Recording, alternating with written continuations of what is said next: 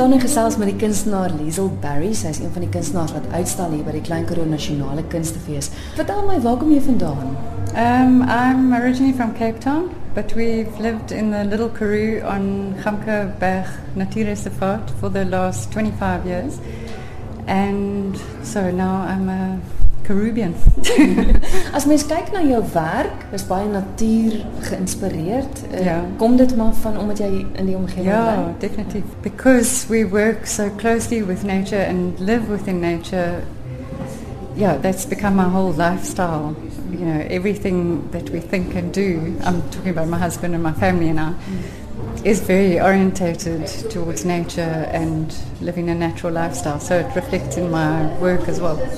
Kom ons praat gou oor jou as kunstenaar. Hoe lank is jy al een skilder jy nog altyd?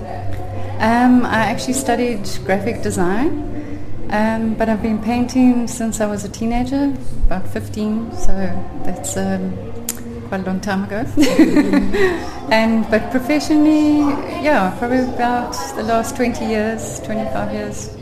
En So- met wat verf jy? Wat is jou medium? Um, oily, yeah, yeah. Kom ons verduidelik gou vir die luisteraars wat dit is waarna ons kyk. Dis dis 'n klomp verskillende. Hier is byvoorbeeld 'n boom. Daar's baie skaduwees wat jy gebruik as as mens kyk na van die ander werk in die ander vertrek. Maar klomp bome. Ek en my man spot gister so baie van die goeters lyk soos hoe ons kyk as ons ons kontaklense uithaal. Dit is Wel, dis dis 'n bietjie soos ja. of jy, ja, vertel vir my wat inspireer jou? Wat die verskillende style, waar kom dit alles vandaan?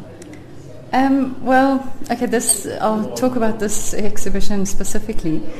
Uh, it was inspired by the, the forests and trees, and also because I'm working, I'm exhibiting in conjunction with Richard Henley, who's an incredible craftsman, makes beautiful wooden furniture by hand. And um, so I wanted to take people into a space and the feeling that I get when I'm in the forest, um, which obviously is more on the garden route side than in the Karoo, but there are incredible forests here, you know, in the Kluifer. And um, just the individual trees and how each tree has its own um, gracefulness and it's like they dance, you know, with the wind and their movement. So that's kind of what I was expressing here. And just to take, it's almost like you become a child again when you lie under a tree or, you know, in our world that's so busy, people tend not to take the time to do those things anymore that you did once as a child, which takes you into a completely different dream-like space, which we actually all need to do. You know? Maar dit is nogals ongelooflik as mens kyk na jou werk, dit dit skep 'n stemming. Dis nie noodwendig is nou van jou werke waar jy 'n renoster het of 'n Ja. dier of so, maar die veral met die bome, dit dit is asof jy by jou venster uitkyk en na 'n woud met bome kyk. Yeah, well, that's. Um, I suppose that's where I'm wanting to take people. Uh, some some of them are forest scenes where you feel like you, you know, you want to move down the, the pathway, forest pathway, and towards the light to see what's going to happen. You know, what you're going to come across next. And then I've done pieces that are the close up to have a sense of the textures and the light coming through the branches. The the title of the exhibition is Seeing the Wood and the Trees. So now it's got a literal um, meaning, which is a celebration of trees and how you know how many there are around us in towns and cities and obviously in natural areas. And then there's the figurative side, which is based on the English idiom of seeing, not seeing the wood for the trees. So I've kind of shifted around to play with it a bit.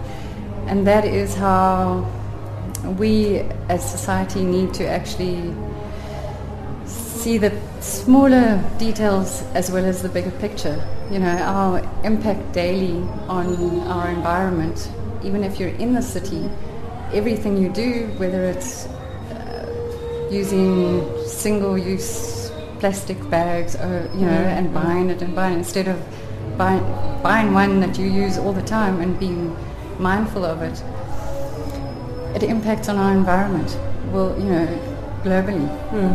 So that's what that, Yeah. that part of the exhibition was is about. Vertel nog van een daar is want dis 'n klomp zebras wat jy half uit 'n uit 'n lugskoot uit Ja. sien maar langs dan is daar is daar silhouette, skaduwees, maar dis Ja. nie zebras se skaduwees nie, dis die van mans of man Yeah, yeah. Okay, so that part of the exhibition, uh, my mind really went to wondering, but it does um, flow from the from the tree theme, where I started noticing how beautiful the shadows of trees are on the buildings, and you know, especially through dappled light. Often they, it's incredible. You must really spend some time and just watch the shadows moving on the walls. It's it's like having a little abstract movie. Anyway, and then I started thinking about how what the shadows might have been years and years ago in this area. You know what animals were here as opposed to the shadows that are here now. And so I started sort of delving into that side of it because also what I often notice is that. Um, there are places, okay, now I'm talking specifically the, the Klein Karoo, Yeah. but I mean, if, you know, nationally throughout South Africa, where there's names of rivers and mountains and farms and, you know, landmarks that are based or inspired by animals that once were there. Like there's the Olifantsrivier and there's uh, loads of Buffelsdrift and um, the Gamkeberg, which is there's a few Gamkes around here, and Gamke was um, Khoisan for lion. And these animals aren't here anymore. And although a lot of the, the fauna and flora in the in the Klein Karoo has been um, conserved, the larger mammals, you know, haven't survived our society's fast pace to change the environment. Anyway, and so to take back to the, the zebra one, oh, so I played around with the, the shadows. And then um, the zebra one is sort of a play on a zebra crossing, because now that's what you have in a city, rather, or the town of Oudtshoorn, rather than the zebras themselves. Wow. And so the shadows of the people, if you turn the, the painting to landscape format, it's like the shadows of the people are walking over the zebra, like a zebra crossing, or if it's in a portrait upright position, then the shadows fall so that the people are running with the zebra. And so it's a metaphorical piece saying, you know, are we running with nature or walking over it? It's Yeah. a very long ex- explanation. Teen die tyd wat die onderhoud uitgesaai word, is die fees verby. Waar kan mense van jou werk sien? Het jy 'n webwerf? Stal jy uit by ander gallerye? Yeah, um, in local galleries as well. Um, there's um, Art Karoo. I have a also a Prince Albert Gallery, and I have a website, and I've, I have a studio space in Oudtshoorn at Rosenhof Guest House. So anyone visiting the area can, you know, contact me. And my website, can I give the details? Is www.lislbarry, which is L I S L B A R R Y dot co dot za.